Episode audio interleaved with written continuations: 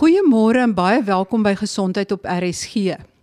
Dit was in November natuurlik Movember maand en dit beteken mansgesondheid. Daarom gesels ek vandag met professor Andrei van der Merwe. Hy is hoof van urologie by die Mediese Skool van die Universiteit van Stellenbosch en ook by Tygerberg Hospitaal. 'n Man is tog so vinnig om weg te hardloop as hy net hoor daar's iets fout met sy prostaat en hy moet dalk 'n operasie kry. Maar in hierdie geval het ons goeie nuus. As jou prostaat vergroot is en dis nie kanker nie, is daar nou 'n manier om hierdie probleem reg te stel sonder 'n operasie. Professor van der Merwe, vertel vir ons meer van hierdie toestand van 'n vergrote prostaat, maar dis nie kanker nie. Hoe algemeen is dit en hoe gebeur dit? Baie baie dankie vir die geleentheid. Man 'n vergrote prostaat is 'n ding wat vreeslik kan pla. Dit laat ouens in die nag opstaan, hulle kan nie lekker hulle blaase ledig nie en partykeer selfs kan dit stop en 'n verskriklike pyn veroorsaak op die laer, laer deel van die maag daar waar die blaas is. Dan dit vergroot Basies klomp teorieë, maar 'n mens kan maar sê die heel grootste is maar ouderdom. Soos wat mens ouer word, verander die hormoonprofiel wat die prostaat aantas en die prostaat se se meganismes waarop die prostaatweefsel reageer op hormone in die wanbalanse en dan vergroot die prostaat. Want hy groei eintlik en dis eintlik 'n wanbalans tussen selletjies wat doodgaan en wat um, wat groei en daarop die einde vergroot dit. Maar mens moet ook onthou dat 'n groot prostaat nie noodwendig altyd 'n blokkade veroorsaak nie. Die blokkade is dikwels verwant aan 'n sekere deel van die prostaat wat gladde spierweefsel in het wat dan styf saamtrek en die prostaat kan blokkeer. En dit is iets wat maar die meeste mans um, affekteer een of ander tyd soos wat hulle ouer word. So, hoe groot is 'n normale gesonde prostaat en tot hoe groot vergroot hierdie prostaat wat dan nou so al hoe groter word. Kan ek amper sê dis so groot soos 'n okkerneet wat dan amper so groot soos 'n tennisbal word of watse vergelyking kan mens tref? Maar 'n normale prostaat in 'n volwasse man is omtrent so 35 gram en dit is on, ongeveer so groot soos 'n okkerneet sou ek dink. En dan vergroot dit so hier van die ouderdom van 30 af, vergroot dit stadig en stadig en afhangende van die man se genetika en die verskillende invloede kan dit of dieselfde bly of dit kan so maklik so groot raak soos 'n tennisbal. En ons het al prostate verwyder wat tot 300 gram is wat dan 'n hele paar tennisballe is. En dit is natuurlik 'n operasie wat met groot bloedverlies gepaard gaan as die prostaat so groot is. En wat die mens dan natuurlik um, in die ou dae die deel wat mense dood gegaan van so 'n operasie. So dit is deel van die rede waarom hierdie nuwe behandeling wat ons oor gaan praat eintlik baie goed is en ons baie dankbaar is dat dit vir ons beskikbaar is hopelik een van die dae. Net voordat ons aangaan na die behandeling toe, wat is die tipiese tekens waarna 'n man moet uitkyk wat die gevolg gaan wees van 'n vergrote prostaat? En dan tweedens, hoe onderskei jy tussen kankerprostaat en 'n benigne prostaatvergroting? Ja, maar dit is baie belangrik die simptome waarvan die mans sukkel meeste van die tyd is dat hulle dikwels nie lekker kan begin urineer nie. Hulle moet eers 'n rukkie staan voordat die urine nou uitkom en dan as dit uitkom is dit nou redelik swak. En baie keer staat en stop dit so en dan op die einde um, is daar baie keer nadruppeling wat hulle dan nat maak of inkontinensie gee. En dan partykeer kan hulle ook voel dat die blaas net glad nie ledig nie. Dan partykeer is dit ook dat die mans in die aand moet opstaan um, om te urineer, partykeer 4, 5, 6 keer in die aand, 7 keer soms en dan partykeer ook in die dag dat hulle moet en dan as 'n as 'n mens ehm um, nie iets daaraan doen nie dan kan dit die niere laat versaak dat wat dan nierversaking sal dit gebeur en wat dikwels onomkeerbaar is dan is 'n mens regtig in baie groot moeilikheid want mense van daai ouderdom kwalifiseer dikwels nie vir 'n nieroortplanting nie en dis eintlik iets wat maklik hanteerbaar was op 'n vroeë stadium wat dan in 'n baie baie moeilike situasie omgesit het. Professor, jy het gesê dat as die prostaat tot so 'n mate vergroot dat die urine nie kan uitgaan nie. Met ander woorde, die urine word in die blaas vasgevang. Dat iemand dan nierversaking kan kry. Is dit omdat die urine dan kan terugstoot na die niere toe of wat is die rede dan vir die nierversaking? Ja, dis absoluut is eintlik twee redes. Een is die drukking van die terugstoot wat die niere is geweldig sensitief vir drukking. Dis hoekom mense wat wat selfs hipertensie het en die drukking kom van die bloed se kant af, hulle gaan dikwels 'n nierversaking in. So die terugdruk is is iets wat wat die niere geweldig toksies ervaar. Dan die tweede ding is um, as 'n mens nou stase het van die urine wat so terugdruk, dan kom daar dikwels infeksies in. En die infeksies maak die niere geweldig seer en op 'n geweldig interessante wyse want die niere is mos baie soos die hart, hulle klein aartjies, hulle kommunikeer glad nie met mekaar nie. So as daar deeltjies van daai are is wat deur die infeksie toegaan, dan gaan daar stukkies van daai nier dood. En die stukkies van die nier wat doodgaan, die kry littekenweefsel trek na mekaar toe, trek nog aardjies dood en veroorsaak eintlik uh, snaaks genoeg 'n uh, hoë bloeddruk op uh, op op 'n baie snaakse manier. Hoe onderskei julle tussen benigne en maligne? Met ander woorde, nie kanker nie en kanker. Moet julle histologie doen of hoe doen julle dit? Ja, weet jy die twee kom saam voor, maar dis twee totaal al verskillende siektes en die benigne prostaathiperplasie dit veroorsaak nie prostaatkanker nie of daar is uh, is geen klaar klinkklare bewys dat dit dit doen nie. Die twee dinge wat ons doen om of eintlik drie om te doen om om seker te maak of iemand kanker in sy prostaat het of nie, is eerstens 'n bloedtoets wat gedoen kan word uh, van die serum van die bloed. Dit noem ons die PSA bloedtoets, die prostaat spesifieke antigeen wat ons aan toets en dit moet op 'n lae vlak wees. En dan uh, natuurlik doen ons 'n uh, kliniese ondersoek waar uh, jy weet op 'n op 'n prostaat ondersoek, 'n fisiese ondersoek gedoen word om te voel of die prostaat dan nou 'n knoppie in het of nie. En dan natuurlik, um, as daar so iets is, dan kan 'n mens 'n biopsie vat daarvan om te bevestig of dit is. Deesdae is 'n 'n verskriklike goeie vooruitgang in die diagnose van prostaatkarsinoom is die uh, magnetiese resonansie skanderings wat 'n verskriklike goeie bydrae maak om prostaatkanker te identifiseer want prostaatkanker lyk net heeltemal anders as die benigne vergroting van die prostaat op op dit. Maar omdat die skandering so duur is, doen ons dit gewoonlik net op mense wat daar twyfel is oor die diagnose of daar twyfel is oor watter tipe behandeling gevolg moet word na die diagnose gemaak is. Goed, julle het nou vasgestel die prostaat is vergroot, dis nie kanker nie, maar dit belemmer die urinering uh, van die man en dit is ongemaklik en daar moet iets aan gedoen word. Wat doen julle? Maar in die eerste plek wil ons mense behandel maar ons wil hulle nie slegter maak as wat hulle reeds is nie. So partykeer kom mans na ons toe met baie matige simptome en daar's gewoonlik 'n simptoomkaart waarop ons 'n telling kan doen van dit.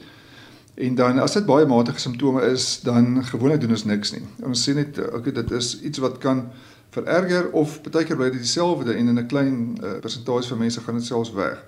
So daai stadium sal ons nog net kyk daarna. En dan as dit erger as dit is, dan gee ons gewoonlik 'n uh, medikasie. So die die medikasie is pilletjies wat daardie gladde spier wat ek net van gepraat het laat verslap in die prostaat wat dan die die druk waarteen die blaas die urine moet uitdruk verlaag en dan urineer die mans weer makliker. Maar nou dan baie keer is die mans nou nog simptomaties ten spyte van daai pilletjies waarop hulle is. In daai gevalle kwalifiseer hulle natuurlik vir chirurgie of natuurlik as hulle niere besig is om seer te kry en 'n mate van nierversaking begin, jy weet, eh, sigbaar word of daar's ander komplikasies soos byvoorbeeld blaassteentjies of sakkulasies van die blaas of herhaalde urineweg infeksies of stopping van die blaas. In daai gevalle sal 'n mens dan moet chirurgie oorweeg en die gewone chirurgie wat ons doen is om 'n skraping van die prostaat te doen. As die prostaat klein genoeg is, gewoonlik so onder 60 tot 100 gram, dan kan 'n mens nog 'n skraping doen. En as dit oor dit is, moet 'n mens gewoonlik 'n oop operasie doen om die prostaat te verwyder. Wat is die tegniek wat jy gebruik wat nie 'n operasie behels nie? Die nuwe tegniek wat natuurlik ook nie so nuut is nie, dis nou net nie in Suid-Afrika. Is waar mens um, stoom in die prostaat inspuit en die stoom wat dit doen is dit beweeg dan tussen die selletjies van die prostaat. En oor 'n redelike kort tydperk van 'n paar dae tot weke sal die prostaatselletjies dan doodgaan. En dan ehm um, jy weet dan is daar 'n holte basies waar daai waar daai stoom ingespuit het. Dit word gemaak met 'n teleskooptoets wat ons nou jy weet van onder af insit van die penis se kant af insit en dan in die prostaat inkyk terwyl die pasiënt of slaap of hy kan verdoof wees uh, of hy kan net 'n blokkade hê dis um, dis moontlik En dan wat ons doen is ons kyk na hoe groot die prostaat is en dan is daar so 'n uh, apparaatjie waarmee ons 'n naald in die prostaat insit en dan deur die naald word daar dan stoom in die in die, in die prostaat ingeblaas op omtrent so 'n sentimeter afstande tussen mekaar. En dan na die tyd moet die uh, pasiënt gewoonlik 'n kateter hê vir 'n paar dae want die stoom natuurlik dat swel die prostaat aanvanklik op voordat hy nou krimp. En daarna is die is die uitkoms uh, baie goed. Ons is baie opgewonde. Hoe lank hou die krimping van die prostaat of begin hy maar weer te groei? Maar die prostaat groei dikwels weer na enige vorm van 'n skraap, um, maar oor die langtermyn. En ons het omtrent 8 tot 10 jaar data op hierdie tegniek waarvan ons nou praat, waar omtrent 5% van mense sal sal met herhaling kry. En as jy die groot operasie doen, um, wat jy 'n ordentlike prostaat skraap doen wat nou baie bloedinge goed behels en dan neeweffekte soos retrograde ejakulasie het en ook impotensie, dan is die herhaal eh, tyd min of meer dieselfde oor die oor dieselfde tyd. Dit is een van die een van die redes wat wat ons redelik opgewonde maak vir die soort behandeling want um, 'n mens kan nou die pasiënte baie effektief behandel met 'n baie ligte narkose indien wel en ook sonder om daai erge neeweffekte te kan kry byvoorbeeld inkontinensie en impotensie net 'n gewone prostaatskraap 5 tot 10% van gevalle kan dit wel kry dit is 'n gevaarlike situasie om om by betrokke te raak. Het julle al pasiënte hier by Tygerberg so behandel met hierdie um, stoommetode en wat is die suksessyfer daarvan? Maar ons het nou so 2 weke terug dink dit is hoekom jy weet almal nou redelik praat hiervan het ons die eerste 5 pasiënte in die land gedoen met dit en almal doen baie goed en nou al urineer hulle goed. Absoluut geen um, komplikasies gekry nie. En ehm um, ek dink daar's nog een ou wat se kateter moet uitkom of verder is almal se kateter sal uit. En ek moet sê dit is iets wat 'n mens ehm um, nogals trots maak dat ons staatspasiënte eintlik van die heel beste behandeling in die wêreld kan kry eerste. Professor van der Merwe, hoe lank neem hierdie stoomtegniek in vergelyking met van die ander tegnieke wat jy gebruik? Hoe lank moet die persoon in die hospitaal bly? Die stoomtegniek is regtig baie vinnig. Dit vat ongeveer 'n maksimum van 10 minute om die hele prosedure uit te voer. Die gewone konvensionele prostaatoperasie, die prostaatskraap soos ons nou maar sal sê, ons noem dit ook 'n TURP. Daai operasie kan tot 'n uur vat. Gewoonlik hou ons nie daarvan om langer as 'n uur te doen nie want dit word met 'n spoeling eh, gepaard gegaan wat en as 'n mens te lank opereer dan kan dit dalk toksies wees of dit hang ook af van die energie modaliteit wat gebruik word kan 'n mens wel langer aangaan maar daar's gewoonlik 'n redelike mate van bloedverlies betrokke by dit. En 'n mens verwyder fisies weefsel met 'n elektriese draadjie wat jy dan skraap deur die prostaat en dit, en dit vat uh, jy weet omtrent 'n uur op 'n sê maar 'n 60 gram prostaat. Die na operasie versorging verskil uh, dramaties. Um, in die eerste plek met hierdie stoomterapie kan 'n mens uh, dit natuurlik in 'n daghospitaal doen Party mense oor see doen dit sommer in die spreekkamer. Maar ek dink in die beginsel ons in Suid-Afrika maar eers dit onder narkose doen. Maar so in 'n daghospitaal sit ook waar die koste natuurlik geweldig baie minder is as in 'n groot hospitaal en dan gaan die mense dieselfde dag huis toe. So jy weet dit is 'n ligte narkose. Dis 'n prosedure, daar word 'n kateter wel ingesit vir 'n paar dae.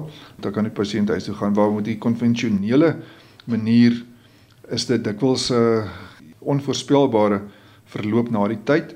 In terme van bloeding wat mens kan kry daar moet in die middel van die nag partykeer blaase uitgewas word van bloedklonte en die mense bly dikwels 3 tot 5 dae selfs in die hospitaal na dit. Met byvoorbeeld laser verwydering van die prostaat wat ook maar net 'n manier is om prostaatblokkade te doen is die is die bloeding uh, definitief minder as die konvensionele uh, manier wat met elektriese stroom maar uh, mense steeds bekommerd oor inkontinensie na die tyd veral in die onmiddellike na operasie periode. Ehm um, sowel as as as impotensie wat wat dieselfde is as 'n reseksie van die prostaat met daai elektriese draadjie. As 'n mens op balans kyk, dan is dit iets wat baie potensiaal het en die ding wat ons gaan maak om dit nie so wyd uit te rol nie is die koste van die van die handstuk wat wat mense moet gebruik. So ons is besig om te onderhandel met die um, met die verskaffers van die goederes laat mense dit eerder vir soveel as moontlik mense kan beskikbaar stel en hulle hulle wins op daai manier moet maak. Maar ehm um, daai inligting is nog nie finaal uit nie. Die plek van robotiese chirurgie in veral prostaatbehandeling.